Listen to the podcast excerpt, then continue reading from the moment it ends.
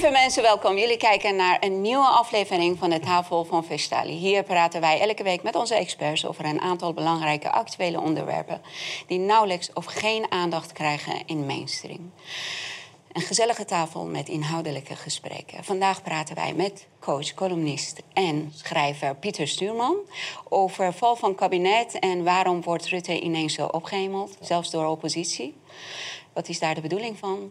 Voor het eerst bij ons aan tafel Shadi Akta. Ja. Uh, je bent een jeugdwerker en je gaat vandaag met ons praten over de rellen in Frankrijk. Onze enige echte complotonderzoeker, expert en onderzoeksjournalist, Patrick Saval, die praat met ons over of een globalistische herprogrammering gaande is. En als ja, kunnen wij daar iets aan doen of niet? En jurist Patrick Vermeulen.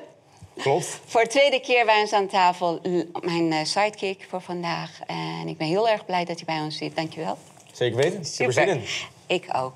En uh, we gaan gelijk beginnen. Allereerst een hartelijk welkom, al mijn gasten. Leuk dat jullie hier zitten. En uh, we komen straks naar jou, want je bent voor het eerst bij ons aan tafel. Maar eerst, Pieter, zullen we kijken naar jouw fragment? Ja, doe dat maar. Ja. De mijne waren. Ik ga u toch proberen uit te lokken. Wat is nou een moment uit de carrière van Mark Rutte als premier waarvan u denkt, daar stond hij er toch maar? Nou ja, ik denk dat hij met, um, als, er, als, er, als er rampen waren in Nederland, hè, ik heb altijd, ik denk heel veel mensen in Nederland met de uh, vreselijke MH17-ramp, um, wat hij zich, um, zoals wij allemaal, maar hij ook als premier persoonlijk aantrok, heel veel daarvoor deed, heel veel ja, politiek aanwezig was. En niet alleen maar hier aan de Tweede Kamer, maar ook voor, voor, voor nabestaanden en daar, daar een hele hoop uh, zich voor in heeft gezet.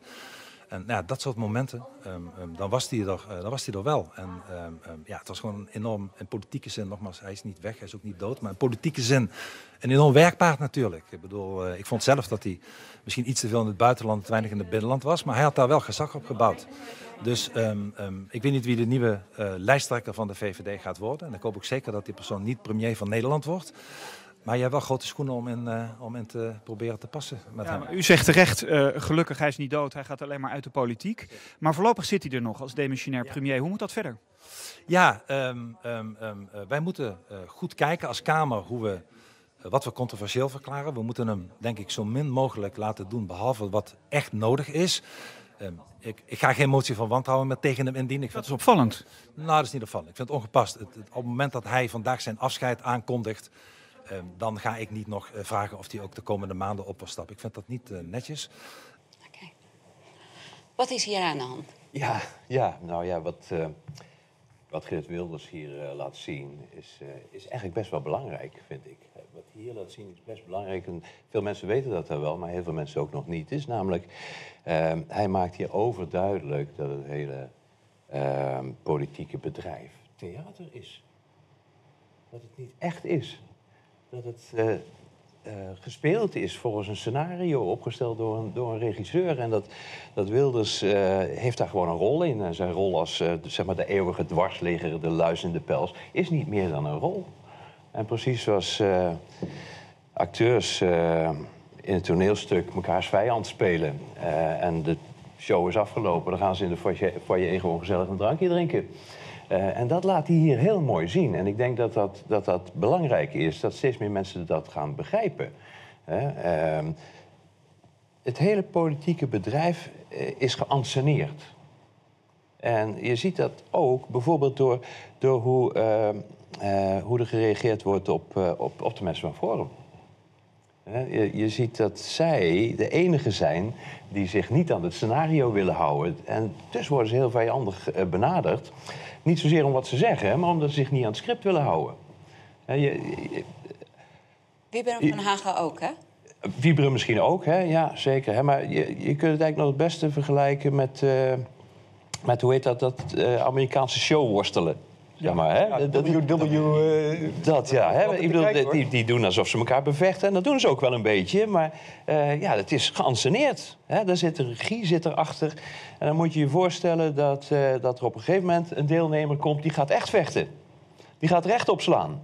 Nou, daar zal de organisatie niet zo heel erg blij mee zijn. Hè? Dus dat is ongeveer wat er gebeurt. Daarom, daarom eh, is er zoveel agressie tegen mensen die oprecht zijn. Het is simpelweg een, een toneelstuk geregisseerd door eh, externe partijen. Hè, we hebben allemaal gezien dat eh, de invloeden van met, met name supranationale partijen, van World Economic Forum, maar het is inmiddels een heel stelsel van belanghebbenden. eh, topmensen uit het bedrijfsleven, uit de financiële wereld, die zich hebben geallieerd, zeg maar. Eh, en waar inmiddels dit, dit, dit theater deel van uitmaakt. Het is Ja, theater Trump dat ons moet doen geloven. Special interest. Zou je nog een keer? Trump noemt de special interest. Ja, ja, ja, exact dat. Hè? Ja. En, en ik vind het belangrijk dat mensen dat gaan beseffen. Hè, want veel mensen denken dat het echt is. Wat mij opvalt is dat eh eh, Geert Wilders was degene die bijna elke week een motie van wantrouwen indiende naar eh, Hmm. Dat was zijn rol. Rutte. Ja. Ja. En hij zegt hier dat hij Rutte heeft altijd zijn best gedaan. Hij heeft in zijn belevenis altijd voor zijn eh, land blijven staan. Ja. En, dan denk je, eh, en hij zegt, ik geloof dat oprecht. Hoe kan je iemand zo geloven en toch motie van wantrouwen indienen dat diegene niet capabel dat- is dat en alleen- niet betrouwbaar is? Het kan alleen als je speelt dat je dat gelooft. Anders kan dat niet. Maar wat kunnen wij nu verwachten? Want nu wordt Rutte heel erg opgehemeld. Het lijkt Ja. of er een campagne gaande is om hem helemaal op voet- voetstuk te zetten. Het is ook een soort beleefdheidsvorm die in zulke situaties je wel vaker ziet natuurlijk. Eh, dat ze elkaar niet willen afbranden. Als ze, eh, en dat, dat hoort ook bij het spel. Dat hoort ook bij het toneelstuk. Wat belangrijk is eh, voor, eh, voor het theater, dit theater... is dat mensen blijven geloven dat het, een, dat het toch echt is. Hè, en eh, je, je- ziet dat dat steeds moeilijker vol te houden wordt. En ik vind dat ook een van de belangrijkste eh, functies van Forum bijvoorbeeld. Hè, dat zij wel eh, het, de echte strijd aangaan. Dat ze zich niet laten aansturen door externe scenario's. En ja, nogmaals, ik vind het belangrijk dat mensen dat gaan beseffen. Hè? Want wat je, wat je nu ziet is dat, dat, dat mensen bijvoorbeeld heel verontwaardigd zijn over... ehm, nou ja, bijvoorbeeld ministers en ministeries die geen openheid van zaken willen geven. En, eh, en dan ja, probeer het maar eens af te dwingen. En dan komt er een rechter en die, die eh, zegt van ja, beste minister, je moet, dat, eh, je moet hier openheid aan geven. En dan zegt de minister van nou ja, oké, doe dan maar die dwangsom. Dan betaal ik die dwangsom wel. Het wordt toch door publiek geld betaald, dus door ons. Dus het kan ze allemaal niet zoveel schelen. Dus wat je daar ziet, is dat we ehm, vertrouwd hebben op politiek. We hebben vertrouwd op regelgeving. We hebben getrouwd, vertrouwd op eh, in wetten vastgelegde rechten. Maar uiteindelijk is het allemaal waardeloos. Want uiteindelijk gaat het simpelweg om het recht van de sterkste. Uitrollen van een scenario. Nou, niet alleen dat, hè, maar dat scenario is bedoeld voor ons dat we dat geloven. Hè, zodat wij werkelijk geloven dat wij recht hebben op vrijheid, bijvoorbeeld. Ehm, en dat wij verlangen dat, ehm, dat bewindslieden ons die vrijheid geven. Maar ehm, ja, weet je.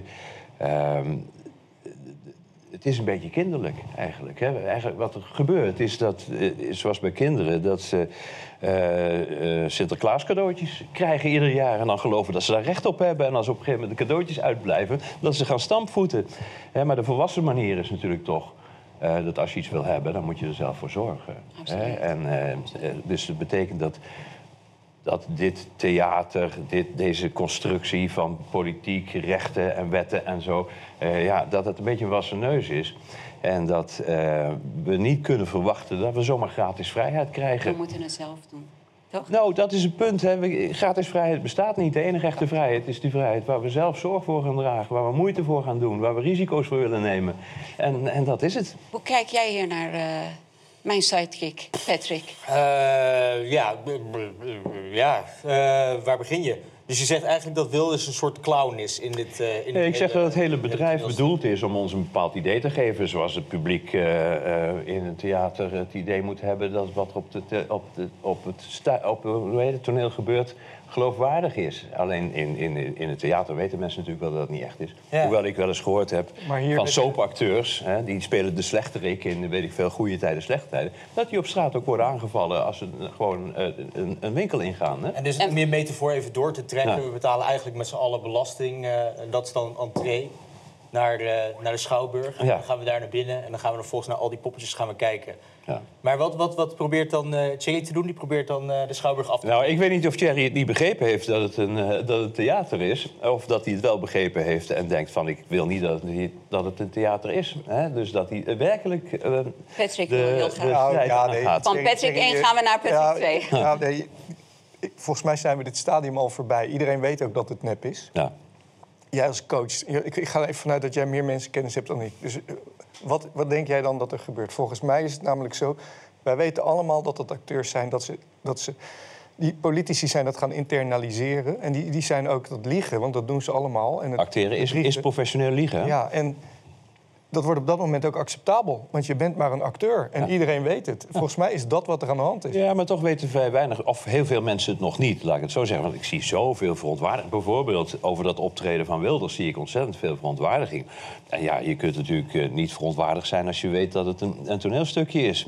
Ja, maar Wilders heeft natuurlijk al een keer mee mogen doen. En toen was het ook, als Thierry mee mag doen straks ook, gaat het ook 180 graden. Je, je, het is gewoon helemaal fout om op iemand te gaan vertrouwen die ons komt redden. Dat gaat Ja, ja, zeker, zeker. Nou ja, maar goed, dat is ook eigenlijk wat ik bedoel. Hè. Kijk, als op mensen eh, begrijpen dat eh, politiek alleen maar een, een spel is, een toneelstuk...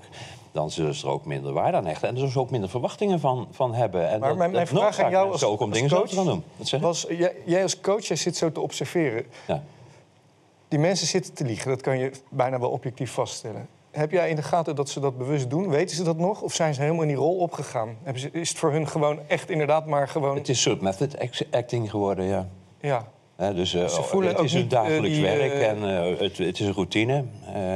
Ja, oké. dat, dat idee heb ik. Ik kan natuurlijk, ik, bedoel, ik kan niet precies weten wat mensen denken, maar daar lijkt het wel heel erg op. Ik, eh, jij bent de jongste aan tafel. Ik ben heel erg benieuwd hoe jij hiernaar kijkt. Nou, wat ik hierover denk is van, omdat het democratische systeem eigenlijk vanaf het begin al met een belofte komt dat het macht bij de volk ligt, denk ik van misschien is dit wel inherent aan een democratisch systeem, omdat je al vanuit een vertrouwenspositie begint. Dus dat het dan ook moeilijk wordt om, om die macht te gaan wantrouwen, omdat je met het gevoel leeft dat die macht bij jezelf ligt. Ja, maar dat is eh, dus een vergissing. Dat is Eh, zeker. Want, eh, dat hebben we de laatste tijd natuurlijk heel sterk gezien. Bewindslieden hoeven zich helemaal niks aan te trekken van regelgeving. Dat doen ze ook niet meer. Wat kunnen wij nu verwachten? Nu is het kabinet gevallen voor het reces. Ja. En eh, wat is het scenario volgens jou? Nou, kijk, eh, dat dat kabinet gevallen is, is deel van het scenario. Ja. Eh, Dat, dat is niet gevallen. Het is niet eens bekend bij mensen waarover het precies gevallen is. hè. Ik weet niet of u Pieter Omtzigt hebt gezien van de week eh, in zijn korte toespraak aan de Kamer. Eh, hij zegt, ja, ik zou wel eens willen weten waarover, wat nou precies het punt was waarover het viel. Het is wel in zijn algemeenheid iets met immigratie. Nou, weet je wat, eh, wat de eh, dingen- reden was, wat ze benoemen? VVD wilde eventueel die mogelijkheid hebben om de gezinsherenigingen wat eh, strenger maken, mocht het niet meer gaan zoals het nu gaat. Ja. Daar Nou dit is dus het, ze hebben een akkefietje, noemen we dat. Hè, hebben een akkefietje aangegrepen eh, om dit eh, voor elkaar te krijgen. De bedoeling was dat dit kabinet ophield te bestaan. eh, dat het dus voorlopig demissionair is. En ja, we hebben de vorige keer gezien wat dat betekent. Die hoorde ook meteen op alle nieuwszenders dat er werd aangedrongen op het toch maar niet laten liggen van hele belangrijke onderwerpen, zoals het klimaatbeleid. Dus, eh, en dat hebben we de vorige keer precies zo gezien natuurlijk tijdens de corona-campagne. Ja? Eh, dat er een noodsituatie wordt, eh, wordt opgevoerd... waardoor het demissionaire kabinet toch belangrijke beslissingen... over bepaalde onderwerpen mag nemen. Dus komen nu wetten Dus- die moeten goedgekeurd worden. Ja, nou, maar het is, kijk, dat, in feite heeft het kabinet dus geen be- bevoegdheden meer, nu, nu het demissionair is. Maar als er geen bevoegdheden zijn, dan bestaan er natuurlijk ook geen beperkingen op de bevoegdheden. En als je daarbij dan een noodsituatie opvoert, dan kunnen ze feitelijk doen wat ze willen. Precies zoals Rutte eigenlijk vorig jaar, of vorige keer ook heeft gezegd. Ja, nu we demissionair zijn, hebben we eigenlijk nog meer macht. Want ja, we kunnen doen wat we willen zonder weggestuurd te worden. Dus het is een angstaanjagende... Dus het, het, is een, het is een strategische of tactische zet, die, eh, hoe moet je zeggen, middel... dat onderdeel is geworden van de, de gereedschapkist. Wat willen ze nu doordringen, eh, doordrukken, denk je? Eh, nou ja, daar kunnen we natuurlijk over gissen, maar het zijn... geval- CBDC. Wat zeg je? De CBDC. Ja, als complotdenker denk ik... Ja, dat zou Dat, kunnen. eh, nou, ik denk, Rutte- er is een aantal zaken voorbereid, hè, ook eh, in, de- in de beleving van mensen, waaronder CDBC. Maar dat kunnen natuurlijk ook hele impopulaire klimaatmaatregelen worden, die eh, zonder dit scenario moeilijker eh, te verwezenlijken zouden zijn dan met. En daar komen we dus eigenlijk op neer. Dus, en wat, wat ze eh, nog kunnen, ik weet niet of je Remkes hebt gezien, die zegt, ja, er hoeven eigenlijk helemaal geen nieuwe verkiezingen te komen. We kunnen gewoon met elkaar afspreken hier dat we een meerderheidje organiseren. En dan kunnen we wel weer een nieuw kabinet, eh, kabinet van, van kleien. Dat hebben ze vorige keer ook gedaan. Dat hebben ze vorige keer ook gedaan. Hè? Dus eh, weet je, ehm, eh, het, het wordt steeds moeilijker ehm, voor het politieke bedrijf om mensen nog te laten geloven dat het allemaal deugt, dat het oprecht is, dat het klopt, dat het werkelijk gaat over eh, belangen van het land. En ik vind dat een hele goede ontwikkeling. Want hoe meer mensen doorzien eh, dat we eh, het- ons lot niet in handen kunnen blijven leggen van een stelletje beroepsacteurs, Hoe meer motivatie er ontstaat om dingen zelf te gaan regelen. Mag, ik- mag ik een vraagje daarover? Een laatste vraag dan, want we moeten dit onderwerp afronden. De, wat ik nu ga vragen, je kan echt een boek over schrijven. Maar wat is dan het alternatief volgens jou? Is dat een soort van anarchisme? Dat we met z'n allen in een soort van decentrale gemeenschap Korte reactie, gaan, eh, alstublieft. Korte reactie. Nou, de- waar het, je noemt anarchisme, gaat over vrijheid. Hè? Want dit gaat over vrijheid. Hoe genereer je vrijheid? Hoe garandeer je vrijheid? Door daar zelf voor te gaan zorgen en dus steeds minder dingen over te laten aan anderen waarvan jij hoopt dat die voor je zorgt. Hè, we, de- we- we hebben geloofd dat eh, de, de eh, bewindslieden en, en, landelijke leiders een soort vrijheids-Sinterklaasen zijn. Die ons geven wat wij graag willen hebben. Nee, we moeten daar zelf voor het zorg dragen. En hoe meer wij zorg dragen voor onze dingen die voor ons belangrijk zijn, hoe minder taken zij hebben. En dan kun je nog een aantal organisatorische zaken onderbrengen, omdat die gewoon eh, op die manier wat makkelijker te regelen zijn. Praktisch. Maar eh, de, het idee dat we ons volledige lot in handen leggen van het bestuur van, nou ja, wat is het, eh, eh, 75 man? Dat is niet erg handig. En ik Nee. hoop dat dat nou tot veel mensen gaat doordringen. Zeker nu het tot grote problemen leidt. mijn Dankjewel. Ja. Dankjewel. Dankjewel. Dat is één. Nou, dankjewel voor je bijdrage. We gaan dit afronden en eh, we gaan naar ons volgende onderwerp. Voordat wij eh, naar jouw fragment kijken, je bent voor het eerst bij ons aan tafel. Wil je jezelf kort voorstellen voor mensen die hier naar kijken? Goed, ik eh, ben Shadi Akda. Ik eh, ben eh, primair jeugdwerker. Ik vind het leuk om eh, met de jeugd te werken. Ook omdat ik zelf nog aardig jong ben. Je bent Eh, heel jong, hè? Hoe oud ben je? Ik ben 21 jaar. Eh, ik ben in de complotwereld opgevallen na mijn optreden in de Bali. We hebben daar een avond georganiseerd. Ik was een verslaggever van de Bali tegengekomen buiten en vroeg haar of we misschien een aantal programma's met haar konden maken. Dat kon. En toen wist ik gelijk waar ik het over wou hebben, omdat nou ja, de complotwereld die spreekt me heel erg aan. En eh hebben we gelijk gedaan. Heel veel politici uitgenodigd, maar dat eh, was hem niet geworden. Die hadden er geen zin in. Maar in ieder geval daarna een, een heel leuk programma gemaakt. En eh, ik denk ook heel veel mensen thuis blij gemaakt. Ik heb gekeken naar je, naar je debate bij de Bali. Ik- Ik vond het echt heel erg interessant, dus het is echt een aanrader. Dankjewel. Je bent heel jong, maar qua wijsheid, je bent heel oud. En ik vond, ik vond het heel erg leuk toen ik je ontmoette had, twee weken geleden. Zei je toen, toen ik eh, op basisschool zat, zei iedereen, Shadi, je hoort... Wil je dat alsjeblieft zelf eh, benoemen? Ja, eh, nou ja, twee weken geleden sprak ik eh, in Utrecht op een event. En ik zei eh, op mijn tiende ongeveer, toen eh, zei iedereen... jij gaat een topadvocaat of chirurg worden. En eh, op mijn zestiende ongeveer zei iedereen... jij gaat de gevangenis in of eh, je gaat vroegtijdig je graf in. En eh, nu ben ik 21 en eh, zegt iedereen dat ik waarschijnlijk politiek of iets ga doen. Dus Daar ligt je interesse in. op dit moment wel, ja. Oké, we gaan kijken naar jouw fragment en we komen weer bij je terug.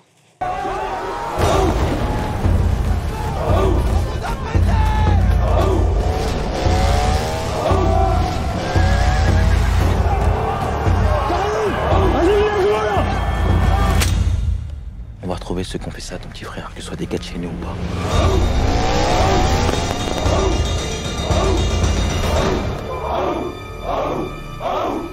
Non mais c'est quoi ton problème? T'aimes encore obéir aux ordres? Comment tu veux pas qu'il y ait la guerre Surtout pas ici, là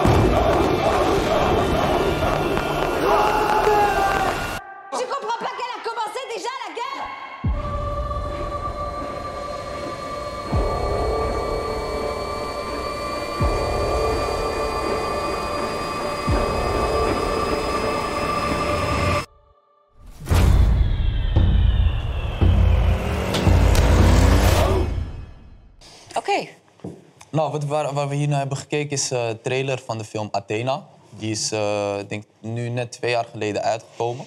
En wat je daar ziet is niet Griekenland, dat is Frankrijk. En na het overlijden van een klein jongetje zijn daar rellen uitgebroken. Voor mij klinkt dit heel herkenbaar. En eh, dat is het eigenlijk ook. Ik, voor mijn gevoel is dit ook gewoon predictive programming. En eh, nog saillant detail. De advocaat van het kleine jongetje in het filmpje... is ook daadwerkelijk de advocaat eh, van het jongetje in het echt. eh, Naher, wat overleden is is. dat zo? Dat is dan rest mij de vraag in welke van de twee situaties was hij echt aan het acteren en waar speelt hij de echte wereld. Maar in ieder geval, daarna natuurlijk rellen uitgebroken. Ik, ik, ik heb er een dubbel gevoel bij. Omdat aan de ene kant ben ik, ben ik blij, misschien klinkt dat gek, maar ben ik wel blij dat er iets is wat, wat de jeugd wel triggert en waarin ze zeggen van eh, oké, wij pikken dit niet meer. Ehm, aan de andere kant ben ik wel teleurgesteld in de manier waarop. Omdat eh, geweld gebruiken eigenlijk de meest voorspelbare actie is die je maar kan eh, ondergaan als je, als je het ergens niet mee eens bent op, op zo'n manier. En ik ben veel meer fan van, van, van actie voeren op een manier dat je de overheid buiten spel zet.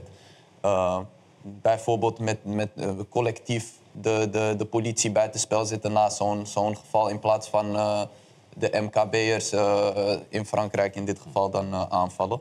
En ehm, de jeugd is al een, een, hele tijd zoekende wel. En ik, ik merk ook dat ze, dat ze zich meer proberen te verdiepen in, in, in zulke situaties als wie heeft de macht, et cetera. Het verklaart voor mij ook een groot deel waarom Andrew Tate zo, zo eh, groot is geworden. Ehm, ik denk dat de jeugd best wel meer geïnteresseerd is dan denk 15 jaar terug. Ehm, alleen, ze hebben echt wel die, die leiderschap nodig van, van iemand die ze behoedt voor, voor zulke imagoschades. Omdat eh, je ziet ook na, na deze rellen is het eigenlijk alleen maar gepolariseerd. En eh, de, de, de, mensen die, die niet aan het rellen zijn, die, die, die zeggen dat ze de dood van dat kindje gebruiken om, om, om maar te kunnen plunderen en te stelen. En eh, die mensen die, die, die pijn voelen van, van het overleden jongetje, die, die zeggen dat geweld eigenlijk wel gerechtvaardigd is. Als ik eh, naar je luister en dat filmpje, trailer die wij gezien hebben, komt bij mij een vraag naar boven. Is dat jongetje echt, echt overleden dan? Want als die advocaat hetzelfde is, scenario hetzelfde is. Ja, dat blijft speculeren, maar eh, voor mij blijft wel het idee hangen van er, er is iemand die blijkbaar behoefte heeft aan, aan, aan, aan dit, dit geweld en deze rellen en deze onrust. En dan vind ik het interessanter om over het motief na te denken dan of, of, of dat kindje er wel of niet eh, overleden is. Jij bent een therapeut, eh, Pieter. Ja, dus Hoe je, kijk je- jij je hier? zegt eigenlijk, het maakt niet zo gek veel uit hè, of het nou werkelijk is of niet. Er is iets wat eh, deze situatie getriggerd heeft. Eh, en hoe zie je dat? Is, is dat iets wat ehm, vanuit het, het volk komt? Of is het iets wat, wat opzettelijk van bovenaf eh, uitgelokt is? Eh, ik denk een combinatie van beide. Ik denk dat, dat de massa eigenlijk vaak op dezelfde manier eh, reageert. Nou ja, jij bent therapeut. Misschien eh, vertel jij mensen ook dat, dat iedereen uniek is. Maar ik denk dat je ook zal opgevallen zijn dat, dat mensen in, in groepsvorm vaak Ja. dezelfde keuzes maken. Zeker, zeker. Ja. En eh, tegelijkertijd denk ik wel dat, dat eh, mensen die aan de macht zitten... bepaalde, met bepaalde acties heel snel deze reacties kunnen uitlokken. Ja.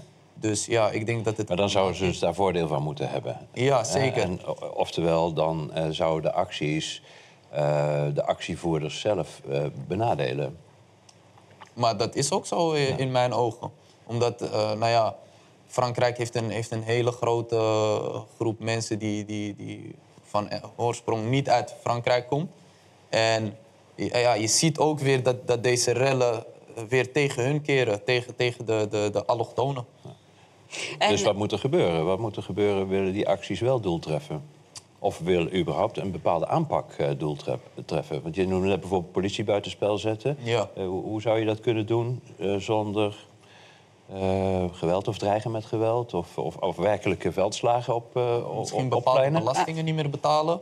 ja, ja, Je zeker. bedoelt eh, burgerlijke ongehoorzaamheid. Burgerlijke Een harder nee zeggen. Ja, zeker. Omdat eh, ik denk dat, dat wij mensen niet beseffen dat wij altijd het recht hebben om nee te zeggen. En als wij de overheid betalen om een bepaalde dienst uit te voeren, namelijk eh, het land veilig houden, en die dienst die het veilig hoort te houden, die is dan burgers aan het vermoorden, dan vind ik het heel redelijk om te zeggen van wij betalen niet meer hiervoor. Eh, komt bij jou ook een vraag naar boven die je zegt... Oh, dit wil ik heel graag stellen aan Shari? Eh, nee, eigenlijk niet. Ik heb er zelf eigenlijk nooit op die manier over nagedacht. Ik dacht van... eh, ja, ik ben eigenlijk vanuit gegaan dat het gewoon gebeurd is. eh, tot nu toe. En ik dacht van... ja, er is een hoop, er is een hoop ontevreden aan, aan beide kanten. Kijk, ik probeer iets grappigs erover te zeggen, maar... Dat lukt me gewoon eigenlijk niet over deze situatie. Want ik denk dat allebei Is de kampen. grappig ook. de- nee, allebei de kampen, allebei de kampen verliezen hier gewoon door. Dus, dus Dat inderdaad, dus mensen die dan boos zijn, die, eh, die maken er van alles kapot. En de andere kant die wordt dan ook alleen maar bozer. En die gaat dan agressiever reageren. En de andere kant reageert dan weer agressiever. En dan kom je Dat gewoon in een cyclus terecht. Klaus Schwab Maar- zei je... Ja. We moeten... eh, Voorbereid op een bozere wereld. ja, een bozere wereld. En, en onze complot-expert... Ja, Nou, dat zei hij. Nou ja, het is het- Hoe- Ik ben hoe kijk hartstikke jij- trots op hem. Wat zeg je? Ik ben hartstikke Nou, trots op hem. Maar, maar Wie is trots op ik hem? ben hartstikke trots op Oh, hem. oh ja. Nee. Als, nee, m- kijk, er zitten natuurlijk ook andere... Wat hij benoemt zijn psyops. En die zien we heel veel in Frankrijk. Al van heel vroeger. Gladio, eh Bataclan kan je gedachten over hebben. Maar er, zijn krachten aan het werk die, die voorkomen dat het volk zich verenigt. Dus dat hij dat nu al ziet... Ja, dat... Ik, ik, ik neig hem gelijk te geven. Ik kijk hier niet zo heel goed naar. Ik, ik, ook, sowieso, ik ben een klein beetje heb ik afstand genomen. Want, maar wat hij beschrijft zijn klassieke psyops. Die zijn hiervoor bedoeld. False flex in dit geval. Je ziet die patronen ook Ik steeds meen ze- terug. ik meen dat Iets andere vorm, Ja. ze lijken steeds heel erg Dus op het is niet zomaar gebeurd. Dat sowieso niet. Maar we weten ook dat Frankrijk heel gevoelig is voor, voor, voor zulke eh, Ja. dingen al sinds, sinds de, de revolutie met koning Lodewijk, dacht ik even.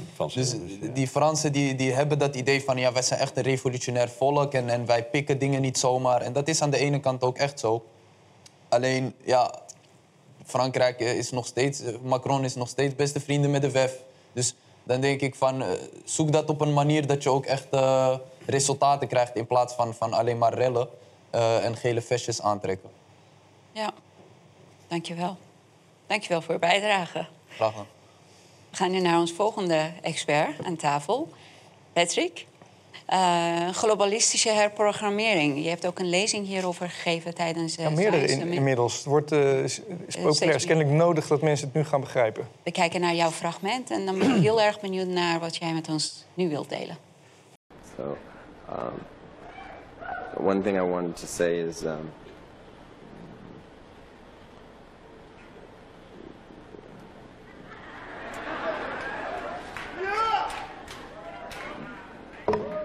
don't don't be fooled by the internet. Uh,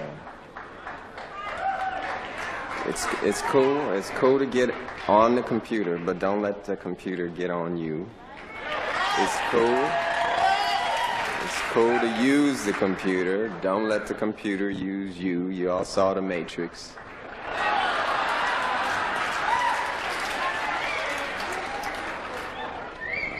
There is a war going on. The battlefield's in the mind. And the prize is the soul.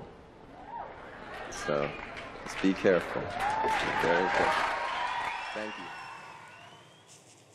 Ja, leg- legendarische gasten. Ik zat Ja. vroeger met al mijn vrienden. Ik bouwde vroeger luidsprekers. En dat werd later mijn beroep ook. Zaten we te luisteren naar Purple Rain en zo. Met z'n sissen op de bank zo. Maar hij is dus ook heel pinter. Wat hij zegt, eh, the war is in your mind. The price is your soul.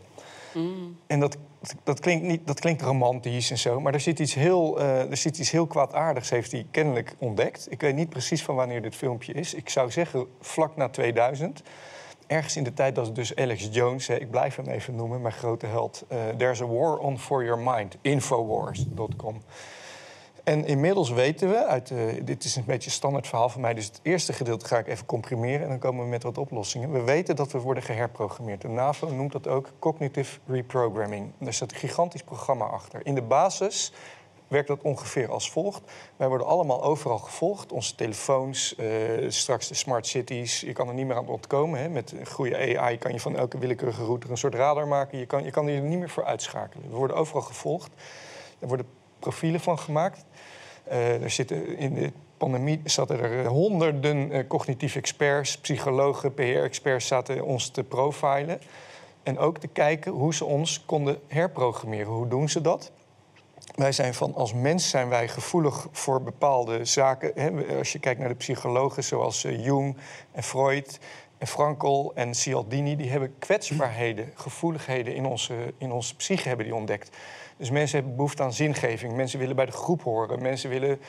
Nou, we hebben allemaal kwetsbaarheden. Die zullen ongetwijfeld evolutionair ergens nut hebben gehad. Maar in de huidige maatschappij worden die dus uitgebuit door dit systeem. Dus zij meten ons, zij profileren ons en dan gaan ze kiezen hoe kunnen wij voor ieder persoonlijk, want hij heeft een andere stream op zijn telefoon dan ik. Jij ziet straks misschien een andere in, in eh, product placement noemen we dat vroeger, maar andere dingen in jouw game of tv dan de ander. Zij kunnen voor ons persoonlijk dan een manipulatie uitkiezen. En daarmee zijn ze ons letterlijk aan het reprogrammen, cognitive reprogramming. Dat betekent, dat gaat verder dan psyops. Hè. Een psyops, een klassieke psyop, is eh, mensen in verwarring brengen. Uh, wat, wat we net al bespraken, of een false flag uitvoeren. Dit gaat erom, we, ze willen ons anders laten denken, uh, beslissen en waarnemen. En, en het uitgesproken doel is van iedere persoon op aarde een combatant maken. Nou, dat je dat al durft te zeggen als hè, een combatant. Een, Wat is dat? Een, een, een, een Oh, krijger. ja, ja, dus. Onbezoldigd. niet alleen worden wij geprogrammeerd door media, maar ook door de reeds geprogrammeerde medemensen. Je familie, nou, dat hebben we allemaal meegemaakt. Dus we zijn gigantisch uit elkaar gebracht. Die, die anderhalve meter, isolatie, al die dingen die waren bedoeld om ons vatbaar te maken voor nieuwe ideologieën, woke, voor, voor, we zijn ontzettend onrustig geworden. Daar zit dus die enorme programming achter. De vraag is nu, hoe gaan we ons daartegen verdedigen? Want er zit ook enorme krachtige technologie achter tegenwoordig. Die AI, die nieuwe AI, hè, de, de nieuwe AI al die al verder is dan inmiddels de large language models... die heeft ook strategische inzichten en, en dat soort capaciteiten. Hoe gaan we daar ons tegen verdedigen? Want alles is onderdeel van het platform. Zelfs de reeds geprogrammeerde mens is al onderdeel van het platform. is een combatant gemaakt. Nou, wij kunnen die technologie gaan wij niet van winnen. Technologie, als je dat ziet als een leven op zichzelf, is groter dan wij. Is ook super handig. Ik vind het hartstikke vet dat ik het. Ik heb mee- meegemaakt dat het internet er nog eigenlijk niet was. Het was er wel, maar wij. Nou, dus dat is niet de oplossing. We kunnen ons niet afsluiten. We kunnen, nou, de truc is, als wij met cognitieve wapenen worden bevochten, dan moeten wij ons cognitief moeten wij ons gaan verdedigen. En er zijn verschillende soorten psyops. Je hebt bijvoorbeeld fearmongering. Oh, het klimaat, we gaan allemaal dood als we nu niks doen. Dat is fearmongering. Dus dan moet je je emotionele verdediging tegen hebben. Je wordt de hele dag in verwarring gebracht. Dat noem je bijvoorbeeld Alice in Wonderland tactiek. Eh, al die gekke fake science die elkaar helemaal tegenspreekt. Dat komt uit de CIA Kubark Manual. Kan je nagaan. Dat is dus een interrogation manual die op ons wordt losgelaten. Op een gegeven moment weet je dus niet meer wat de echte waarheid is. Dan sta je open voor de mening van een expert. Dat is cognitief. Dus je moet leren kritisch denken. Je moet. Dus je, hebt... je kan je niet op één manier verdedigen. Maar het moet wel in jezelf gebeuren. Je kan niet meer op anderen gaan vertrouwen. Want er kan een agenda achter zitten. Je kan niet meer op technologie vertrouwen. Je moet Dus het zelf gaan je doen. moet het zelf gaan doen. Nou, je kan een paar dingen kan je voor jezelf gaan voornemen. Wat helpt is, ga jezelf vinden, spiritueel. Dus zorg voor interne zingeving. Als jij geen triggers hebt, je hebt interne voldoening, dan ben je onkwetsbaar. Ik wil je even onderbreken. Je zegt dingen die wij doen. Ga jezelf terugvinden. Hoe kunnen mensen hiermee bezig zijn als ze niet eens doorhebben? Nou, dat ze dat herprogrammering... Ja, dat is een goede truc. Mensen hebben het op zich wel door. Ze voelen onrust, hè, die cognitieve dissonantie die bij veel mensen. Ze schreeuwen het van zich af. Eh, maar je moet in eerste instantie geredpeeld worden. Dat kan bijna niet anders. Dus als jij echt diep in die programming zit, weet ik niet, daar kunnen we straks met Adam over. Maar op een gegeven moment, heel veel mensen zijn wel wakker geworden. We hebben er nu al een paar miljoen, hè, 20 procent of zo. Dus wat kan je dan doen? De eerste is, zoek jezelf. Ga dicht bij jezelf. Ga wat spirituele dingen doen.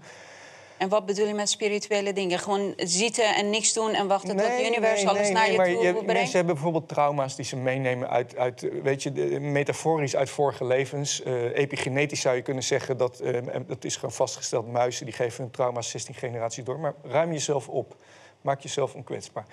De andere is, ga ervan uit dat alles wat jij ziet kan nep zijn. Is ook letterlijk zo. Al die deepfake AI en de generative... Dus eigenlijk alleen je eigen waarneming. En dan nog is het moeilijk. En die van je naaste omgeving kan je vertrouwen. De andere is, je hebt dat narratief gestuurde programmeren. Dus er zijn allemaal van die narratieven. Dat wordt hier vast wel eens gehouden. Onze, onze hippocampus, onze hersenen, hebben de neiging om van alle herinneringen en feiten die we opnemen, willen ze een, een mooi vloeiend verhaal hebben. Dus als jij een, een pakkend narratief daarin kan plaatsen, wat net niet de waarheid is, dan worden jouw hersenen letterlijk opnieuw daaromheen opgebouwd. Ga ervan uit dat de wereld hoeft niet begrijpelijk te zijn. Sta jezelf gewoon toe dat er meerdere waarheden kunnen zijn. Heel praktisch. er zijn experimenten die aantonen dat de aarde plat is. Die zijn er. Maar er zijn veel meer aanwijzingen dat de aarde niet plat is. Laat dat gewoon naast elkaar bestaan. Accepteer dat. Dan ben je dus ongevoelig voor die narratief. Nou, Maar dus ik denk dat het, het belangrijker is, eh, dat het niet zo belangrijk is dat je alles begrijpt en dat je alles weet. Hoeft en dat niet. je de Het hele is niet te begrijpen. Maar dat je je eigen perceptie zo min mogelijk vervuild is met onwaarheid. En, en dat is nou precies eh, de hele strategie. We worden voortdurend gebombardeerd met verwarring, precies zoals je net zegt. En dat betekent dus dat er maar één manier is om jezelf daar ongevoelig voor te maken. Precies zoals jij net zegt, op je eigen waarneming vertrouwen. Ook al is het incompleet. Maar het, het vervelende is dat mensen toch het gevoel willen hebben een compleet overzicht te hebben. Ja. En dus eh, die missende stukjes die ze dan aangereikt krijgen, daar eh, in de puzzel Maar er is meer dan dat. Hè? Het, is, het, is een, het is een meerdere lagen. Het is op emotioneel niveau, het is op spiritueel niveau. Kijk, als jij in een existentiële leegte wordt gebracht... Doordat, doordat jij geen toekomst meer ziet, je hebt geen zingeving meer... doordat jij geen invloed meer op je omgeving hebt... dat is een heel ander soort eh, verweer moet je daartegen opbouwen. Dus je moet eigenlijk op zoek gaan naar jezelf. Ken u zelf, hè? Ja. Maar los van op zoek zijn naar jezelf. Je had het net over, over al die algoritmes en hoe ze op, op iedereen een, een, een goed aangepaste feed Saai kunnen op, ja. loslaten. Maar is, is het systeem hoe we dat nu kennen dan nog wel het juiste systeem? Omdat als iedereen zeg maar, zo gevoelig is voor indoctri- indoctrinatie... wat zijn we dan eigenlijk nog aan het doen met democratie? Omdat dan denk ik dat het veel handiger is als wij een systeem bedenken... waarin we met z'n allen kunnen praten en, gedachten kunnen wisselen... in plaats van... Ja, Nee, maar Ik zie dat Patrick met eh, Nee, maar dit is volle, mijn volle vriend. Nee, exact. Maar het probleem is... eh, het verhaal wordt misschien wat te groot nu voor de, voor de tafel te lang. Zeker. Eh, op een gegeven moment werd de wereld anders. eh, Onder Edward Bernays, dat is de, de neef van eh, Freud. En die zag dus dat hij dit kon gebruiken om, om mensen in plaats van naar behoefte te laten kopen, op basis van aangeprate lusten. En toen is de wereld veranderd. Hij zei ook, degene die dat kan, is de ware machthebber. Dus dat is exact wat jij ook constateert. En dan kan je allemaal systemen bedenken. Maar er zal altijd iemand of iets of een AI komen die daar misbruik van. van. Uiteindelijk is jouw enige echte verweer, dat ben jij. Laat ze dan maar komen met al die systemen. Wat is, eh, wat is jouw... eh, Eh, god, ja, het is wel echt een hele taaie kost vandaag, zeg. Eh, probeer lichtpuntjes in te zien. Ja, ehm, ja wat, wat zeg je er verder van? Ik vraag me af of mensen niet altijd iets nodig hebben van stabiliteit... en altijd iets nodig hebben van betekenis. Je hebt altijd een houvast, heb je op een bepaalde manier heb je nodig. En dat kan je, dat kan je spiritualiteit kan je noemen. Maar als mens heb je iets nodig om aan, aan vast Ja. te houden. En anders ben je alleen maar de, eh, destabiel of, of eh, instabiel. En dan kan ik ook gewoon goed gebruik van je worden gemaakt. Dus ik zie ook een gevaar in dat andere pad wat jij, eh, wat jij aanwijst. Ehm, ja, ik, ik zou zelf praktisch zeggen hè, van eh, gebruik gewoon geen social media. maar dat Van- kan niet meer. Dan, je kan je niet afsluiten. Je hebt, heb jij geen social media? ik heb geen social media. Nee. Maar ik wil wel graag aanwijzen. Kijk, helemaal op. me- mensen leefden al, al heel lang met, met eh, de wetendheid dat er complotten jegens de mensheid waren. Alleen toen was dat veel rustiger dan in de laatste vijf jaar. Het is nu pas, nu de, nu de trein echt richting een muur aan het rijden is, dat, dat mensen zeggen van je moet opstaan.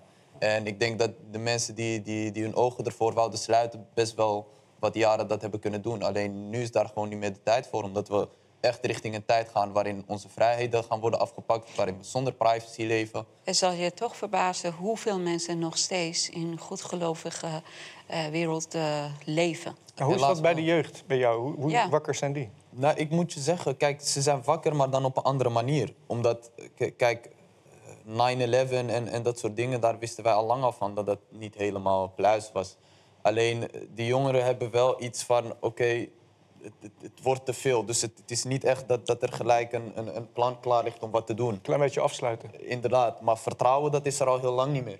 Nou, wat, Wat ik, ik wel merk bij merk- jongeren, want we hebben twee jongens thuis, eh, eh, eh, 20 en 22, eh, dat die het wel heel goed, eh, goed, begrijpen. Hè. Alleen er op een andere manier mee bezig zijn dan mensen van, van, van onze generaties. Klopt. Ook omdat er bij 20, 22-jarigen een heleboel andere dingen tegelijk spelen. Ja. Hè, dat zijn de eerste stappen eh, in het leven, dat zijn de eerste liefdes, de eerste relaties, de eerste werk. En dat zijn allemaal dingen die ook een plek in, eh, in de beleving opeisen. En bij hen is ook gewoon de hele zekerheid in de toekomst. Dat als ik nu mijn best doe, dan kan ik een goede toekomst voor ja, mezelf dat soort creëren. Wordt ook ja, weggehaald. ja, ja. Want nu is. Ik heb, als ik ook met mijn jongste dochter praat, die zegt: Ja, weet je wat, mam, ik weet het. Maar ik wil mij niet alleen maar daarmee bezighouden. Want dan ik heb ik geen hoop, dan heb Ja, ik geen motivatie. ja, ja, ja. Dus dat. Maar ook dat is een vorm van, wat jij noemde net hou vast, hè, vorm van hou vast. Je kunt aan verschillende dingen hou vast ontlenen. En je ziet ook dat mensen dat op verschillende manieren doen. Ja. Eh, In, nu, in de, de zogenaamde complotdenkerswereld, wat ik nog steeds een scheldwoord vind, omdat het niet Klopt, niet ja. klopt. Eh, maar goed, eh, je ziet dat eh, eh, mensen die die keuze hebben gemaakt, en inmiddels zijn dat dus 20% volgens de rekenkamer, hè? dus dat is 3,8 Miljoen. miljoen of zo, hè? 3,6 miljoen. En ehm, dat die eh, in de afgelopen drie jaar een soort zelftraining hebben ondergaan. om meer op zichzelf, eh, die houvast in zichzelf te vinden, precies wat jouw advies is. Dus dat gaat vanzelf als dat proces eenmaal gestart. Maar je ziet het tegenovergestelde ook. Als dingen spannend worden, dan hebben mensen ook de neiging om te zeggen van ja, weet je, ik, eh, ik weet het niet. Ik laat het maar aan de experts over. Vandaar ook die opkomst van die expertklasse. Eigenlijk een soort nieuwe priesterklasse is het. Ik zou zelf ook niet meer zo genoemd willen worden. Expert. Ja. Nou, we noemen jou kort wel- een amateur. Ja, Lijkt me beter. Nee, dat is wel. Amateur ik heb nog betekent één vraag- liefhebber. Ik heb nog eh. vraag aan hem. Want Ja. eh, het is sterk mijn indruk, maar ik, ik, train, op die, eh, ik train op die sportscholen. En zitten, ik, ik, ik train twee Syrische en Afghaanse MME'ers en zo. Maar en dan zitten we na afloop een beetje in die sauna rond het zwembad. Ik heb sterk de indruk dat die buitenlandse jongens veel, veel eh, sneller aanhaken, veel pinterder zijn, geopolitiek, spiritueel gezien, dan de Nederlandse. Dat is mijn idee. Weet je waarom? Ik, vraag- ik weet niet of hij dat ook Ja, maar ik wil één ding daarover zeggen. Want het komt omdat eh, mentaliteit en cultuur in zulke landen is eh, wat, mm, eh, nou niet harder, maar reëler dan hier. Hier worden kinderen vanaf de geboorte zo mentaal gepamperd. Je mag niks zeggen dat eh, zelfvertrouwen gaat weg. Je moet alleen maar liefde en pamperen en pamperen en pamperen. Dus ze zijn heel naïef. Is dat... eh, Dat klopt zeker. En hoe dat eh, bij mij is gaan, misschien is dat de juiste manier om het uit te leggen. Ik, ik had zeg maar twee referentiekaders, omdat ik kon naar het NOS-journaal kijken en dan zag ik bijvoorbeeld dat, dat Israël heel goed geportretteerd werd. Maar als ik dan met mijn vader Al Jazeera zat te kijken, dan kreeg ik al een heel ander beeld. En ik denk dat dat bij veel meer eh, mensen van een andere komaf eh zo was. Dat je met meerdere referentiekaders ook, ook sneller het gevoel kon krijgen van... oké, dus ah, wat op het NOS te zien is, hoeft niet per se waar te zijn. Het dwingt je ook om, eh, om zelf een afweging te maken. Inderdaad. ja, want de contrast is heel groot. Ja. Dus ik heb prachtige verhalen met die, eh, met die Persische meiden, noem ik het dan. Hè. En, en, Iraans- maar ik, was, ik, was in, ik was in Syrië ook. En ik liep daar eh, vlak voor die oorlog, vlak voor eh, de invasie van de, van de Amerikaanse proxylegers. Ja, ik kon geweldige gesprekken houden. Veel, veel bredere blik op de wereld dan als je hier een willekeurige... Ik, vind- ik vind, maar ja, nou, kennelijk is dat zo. Ik begrijp nu ook waarom dat is. Ja. Dat is mijn ervaring ook. Ik heb een eh, Persische, Iraanse... Iraanse, liever Iraanse. Ja. Ja, want Perzisch... Iraanse kapper. Persisch mooi klinkt. Het zijn van die mooie dames. Iraanse kapper en daar heb ik altijd eh, geweldige gesprekken mee. Met diepgang. Met, met, eh, Kapper met- of kapster? kapper. Oké, doe hem de groeten voor mij. Maar het is, is, het is opvallend. Ja. Ik vind dat inderdaad opvallend. Maar ik denk dat dat inderdaad te maken heeft met... eh, ja, je, je, hebt, je krijgt twee realiteiten voorgeschoteld. En dat dwingt je simpelweg om ze allebei te bekijken en je eigen afwegingen te maken. Terwijl iedereen hier zo in dat narratief gezogen zit... in dat geloof Ja. van... we hebben hier eh, de best haalbare staatsinrichting. En we zijn de beste, rechtsstaat. de hele wereld moet... En, en we hoeven geen om- zorg voor te dragen, want het wordt voor ons gedaan. terug te halen. Wij worden hier meer geprogrammeerd. Wij zitten hier Ja. dieper in die programmering. In die, in die, dat is denk ik het verschil. Zij zitten daar nog veel verder buiten. Nou ja, we hebben dat ook laten gebeuren in de overtuiging dat hier alles goed geregeld was. En dat we Kan. niet zelf die verantwoordelijkheid waar ik het net over had, eh hoeven het op te pakken. We hoeven niet zelf voor zingen- dingen te zorgen, want er werd voor ons gezorgd. Hè, dus dat, dat, dat, eh, ehm, die film, die zijn we als realiteit gaan beschouwen. Het is eh, in, in onze landen, landen die is, ja, meer oost, eh, oostelijke landen, mensen weten dat de overheid is niet te vertrouwen, is niet om van ze te zorgen en ze eh, eh, helpen. Ze weten de overheid is een instituut, die is er, we kunnen daar niks tegenaan doen, we moeten onszelf redden, we moeten zelf zorgen dat wij overleven. Met dat mentaliteit wordt iedereen grootgebracht. Gezonde Ja, ik heb instelling. zelf ook een, hoe was het? Een maandje in eh, Iran lopen backpacken. Ja, dat zei En je. daar, eh, ja, ja, ja, ja, hele leuke mensen. Ja, hele mooie cultuur. Eh, maar je merkt het overal. Iedereen is rot cynisch over macht in zijn algemeen. En over de politiek. En ja, je ziet er ook dingen op straat af en toe dat je denkt van holy moly. Ik eh, was een keertje, was ik, was dat ook weer, volgens mij was dat in Shiraz. En er, werden, er zaten allemaal jongetjes en meisjes die zaten, op, ehm, die zaten hand in hand eh, daar te lopen. En plotseling kwamen de bussen en toen werden ze meegenomen. En mij werd verteld, ik weet niet of dat waar is... maar dat die dan gedwongen werden gehuwelijkt. Ja. En eh, dat je dan de rest van je leven... dat je dan even een beetje aan het eh, rondwandelen bent met Nou, een meisje in een park. Dat, dat gebeurt steeds minder. Ja, dat, dat heb ik eh, ook met een paar vrienden van mij meegemaakt. Die stiekem op straat hadden afgesproken met elkaar. En ze, dan, als ze opgepakt worden, moeten ze gedwongen... Toen, hè, ik weet niet hoe het nu is... maar ze moesten met elkaar gaan eh, gedwongen worden eh, gaan trouwen. En als borg, want dan kan... Kijk, je kan ook makkelijk scheiden van elkaar. Hè? Dus die jongen kan zeggen straks... nou nee, ik wil eh diegene niet. Eh, de jongen moet als borg zijn rechterhand eh, voor het huwelijk aanbieden. Dat wordt gedwongen. Dus als een jongen gaat zonder eh, le- legitieme reden zeggen... nou, ik wil scheiden van jou... Nou, dan, nou je, je geeft je hand ook mee en dan mag je de rest van je leven eh, vrij leven. Dus, Even oké. Ik zag niet veel eenarmige gasten daar. Ja, dat, dus, eh, ze zijn wel verstandig Ja, daar. Ja, oké. Het lijkt me ook nog wel een reden om dan toch maar bij elkaar te blijven. Ja, Ja, hè, ja. dus ja, dan, eh, maar Even, oh god. Ja. Ik denk dat wij nu naar onze kijkersvraag eh, kunnen gaan. Vandaag eh, missen wij Leila. Dus eh, onze cameraman en technicus Lodi gaat ons helpen. Lodi, hebben wij kijkersvragen? Eh, de eerste vraag. Ik heb een vraag voor Patrick. Kun je uitweiden over jouw visie eh, ten aanzien van een alien invasion als valsvlek om de bevolking te doen hunkeren naar een wereldregering? Komt dit? Hoe? Holografisch, eh, reverse engineering, UFO's eh, en wanneer? Zo, ik denk dat het van mijn Twitter-biografie komt. Daar eh, staat, eh, op de bio staat eh, Waiting for the Aliens. Nou, ik geloof niet in aliens, anders hadden ze al lang gezien. Maar eh, het achterliggende patroon achter deze vraag is... er moet een, een, eh, een natie-overstijgende gebeurtenis komen... zodat we een, een, een supranationale reactie moeten creëren, politiek... En dan kan er dus de wereldregering worden gecreëerd. Nou, dat is geen gekke gedachte natuurlijk. Dat zien we nu. Dat hebben ze met die pandemie natuurlijk ook al geprobeerd. Op het moment dat jij eh, landen overstijgende crisissen kan organiseren, kan je landen overstijgende eh, organisaties maken en reacties. En dat is steeds verder van de democratie weg. Dus of die aliens komen, ja, ik zou wel staan te juichen. Kom maar door met die dingen. Maar ik geloof niet, ik geloof niet in aliens, anders hadden we ze al gezien. Mag Net ik, als eh, tijdreizigers. Als er tijdreis had bestaan, hadden we ze uit de toekomst al hier gehad.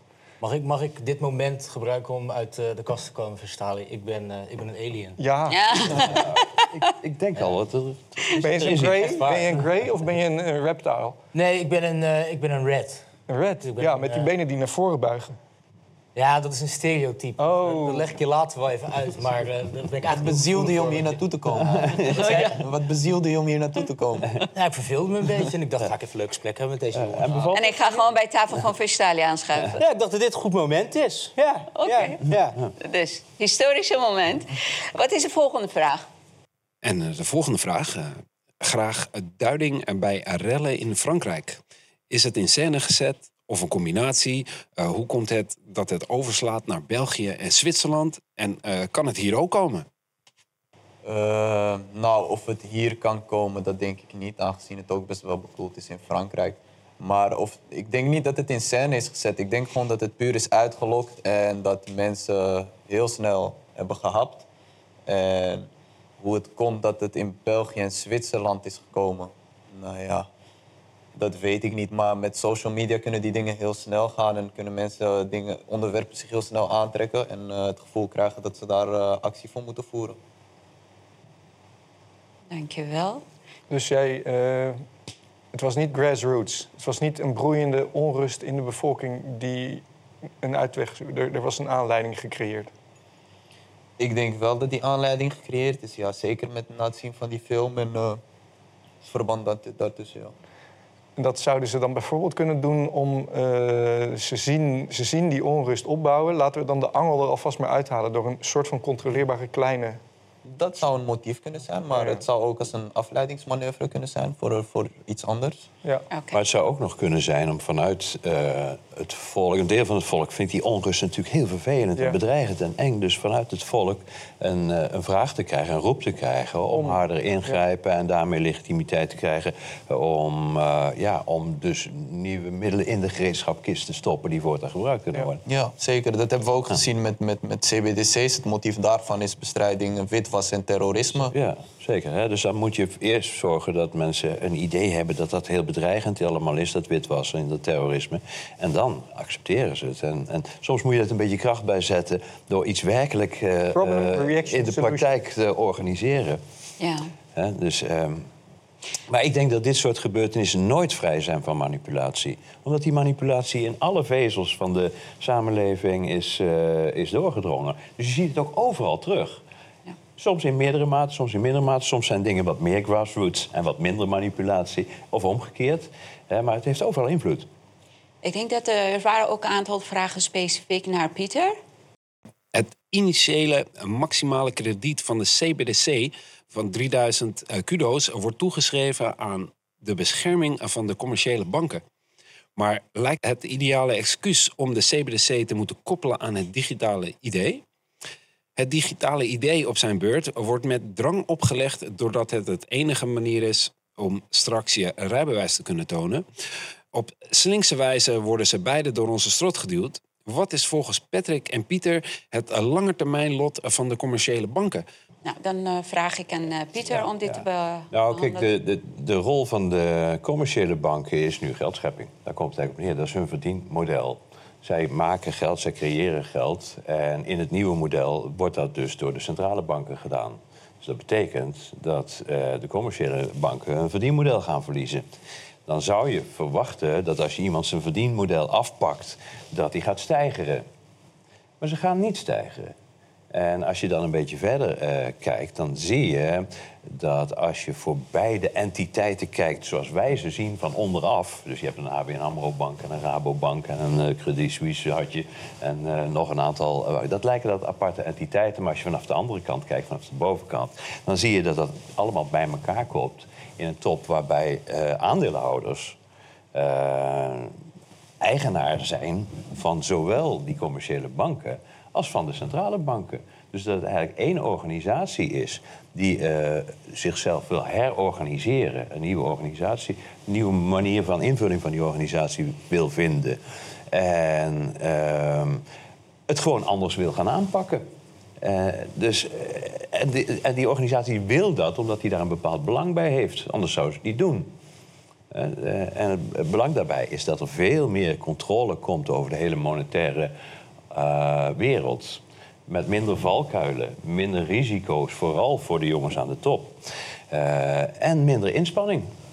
Het is veel gemakkelijker vanaf een centraal dashboard te regelen via digitale technologie en het ontwerp wat ze daarvoor gemaakt hebben, dan zoals het nu is. En, en dus daarom stijgen de, de, de commerciële banken, die voor ons, vanuit ons perspectief, hun business lijken te verliezen. Niet, die worden gewoon ingelijfd, wordt één organisatie. Je ziet dat overigens al een tijdje gaande. Hè? Ik bedoel, vroeger stond er op iedere hoek van de straat een bankkantoor. Ik weet niet of je dat nog kent. Daar ging je naartoe. Ja. Dan zat de juffrouw achter dik glas en dan zeg je, mag ik 100 Kan niet gulden? meer. Je kan niet eens daar je geld meer ophalen. Nee, nee, zeker. Hè, dus eh, eh, die hele functie van banken is al heel snel afgebouwd. Het zijn eigenlijk alleen nog maar digitale administratie-entiteiten. Eh, en straks eh, ja, gaat het gewoon op in elkaar. Een korte reactie van Patrick. Nou, Kort, hè? We moeten op tijd letten. Die CBDC, ik denk dat er gewoon wat anders achter zit. Dat is gewoon de globale machtsgreep. Ja, die banken die worden daar de duppen van. Maar wij helemaal.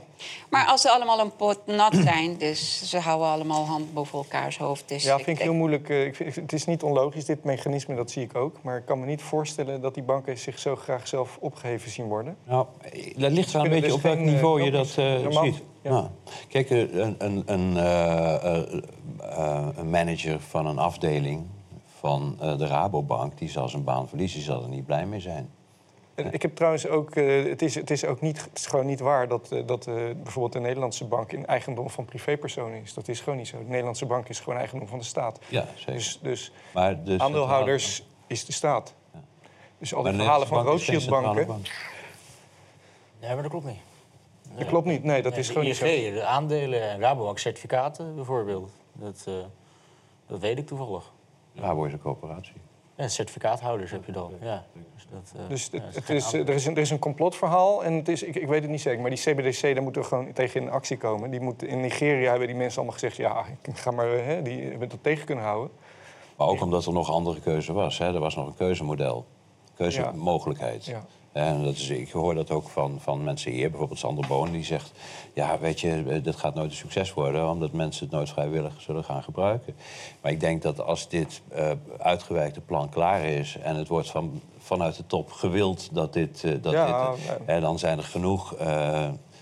eh, gereedschappen, daar zijn we weer instrumenten, eh, om ons daartoe te dwingen. Je kunt bijvoorbeeld de crisis organiseren, monetaire crisis organiseren, de bank, eh, bankaire wereld laten Nee, ik heb- opbouwen. ik maak me Dat is allemaal niet zo heel hebben wij genoeg. Ja, Ja. eh, die worden gewoon... Laatste opmerking. Ja, nou ja, jij zegt mensen gaan het niet vrijwillig doen. Maar deze week hebben we gezien op Instagram met eh, de blauwe vinkjes, wat eerst een soort Ja. statussymbool was. En nu hebben ze dat eh, tegen betaling eh, Mogelijk open- gemaakt. mogelijk gemaakt voor de massa. En mensen zitten het massaal te doen. En dat is gewoon de eerste stap van een eh, digitaal idee. Dus ja, eh, ik ben blij met je vertrouwen in de mensheid. Maar helaas lopen ze vaker als kip zonder kop eh, richting het Absoluut. gevaar. Ja, Zeker weten, ja. ja, ja. We leven nog met te veel mensen die hergeprogrammeerd zijn om eigen beslissingen te nemen. Dus ik denk Weinig. niet. Nee, er zijn te veel mensen die, die lopen gewoon achter die alles wat ze geen eigen gevraagd beslissing wordt. meer ja, die eigen, geen eigen ja, ja, ja, heb ik het niet. Nou ja, daar dat- ben ik met Patrick eens. Eh, De enige mogelijke uitweg is mensen weer op hun eigen interne autoriteit en hun vermogens gaan, gaan rekenen en daar, eh, daar gebruik van, eh, van gaan maken. De vraag is natuurlijk alleen, gaan mensen dat doen? Ja. En hebben ze het vertrouwen om dat te durven? Want ik zie er bij heel veel mensen grote angst achter zit. Dat je zegt van ja, je moet het zelf gaan doen. Oh, oh, wacht even, ik heb geen idee. Hoe moet dat dan? Ik heb instructies nodig. Wie- wie helpt me? Hoe vaak ik de afgelopen drie jaar niet eh, gehoord heb van... ja, kom, kom jij eens met de oplossing. En dat is nou juist het hele probleem. Hè? Dat, eh, dat mensen op de een of andere manier denken geen andere mogelijkheid te hebben... dan oplossing te laten aandragen in plaats van daar zelf over mee te denken. Ik denk dat daar echt een, eh, een, een sleutel zou moeten liggen. Dus wakker blijven, alert blijven. Er is nog niet helemaal een verlopen of verloren zaak, toch? Ik hoop het. Nou, dat hopen wij ook. Jij gaat in het weekend buiten sporten, trainen. Alleen maar dat buiten, weten denk wij. ik, ja. Kijk, Sporten. ga jij iets leuks doen in het weekend, eh, Shadi? Eh, dit weekend ga ik ook sporten eigenlijk, ja. Ik ga trainen voor een kickboxwedstrijd. Dus. Zo. Oké, oké. Nou, oppassen. nee, ik ga alleen vervelende dingen doen. Nee, dat is een grapje. Maar nee, ik ga, ik- wat ik ga doen is ik ga uitrusten van het weekend. Want ik heb het ontzettend druk Ik gehad. hoop dat het mogelijk wordt. Ik hoop ook dat het mogelijk wordt. En, eh, maar ik ga, ik ga even lekker van, eh, van niks eh, genieten.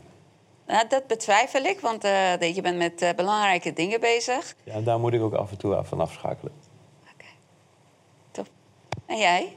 Patrick 1? Eh, ja, ehm, morgen eh, denk ik eh IT Phone Home. En dan verwacht ik dat eh, zondag het moederschip me gaat ophalen. Hij is een alien, hè? En dan, eh, ja, ja, ik ben doodserieus hier hoor. Jullie zitten allemaal te lachen. Ja, weet ik. Weet Maar eh, nee, nee, ik hoop dat ze me daar een, eh, een, een beetje weer goed ontvangen. Ik ben, eh, ik ben lang weg geweest. En ik had eigenlijk had ik mijn, eh, mijn koffer niet moeten, moeten blowen. Dat heb ik nu gedaan. Dus ik denk dat ik met eh, de opperste galactische rector... een, een pittig gesprek moet gaan, eh, eh, gaan hebben. Succes. Ja, Klaus Schwab is er ook bij. Ehm, hij, maar hij is van een andere soort. Hij- ja, maar ook een, eh, een, eh, ook een eh, alien. Ja, we, we, we komen elkaar wel eens tegen bij borrels. en zo. Ja, We hebben allemaal leuke dingen om te doen. Net weekend dus. Nou, lieve mensen, bedankt. Ik wil jullie ook allemaal bedanken voor jullie eh, hooggewaardeerde inbreng. En eh, dank jullie wel. Patrick, bedankt voor je inzet. Shadi, bedankt voor je eh, bijdrage. Ik, eh, ik heb echt genoten van jou. Ik heb hem ook ingezet. Ook bedankt.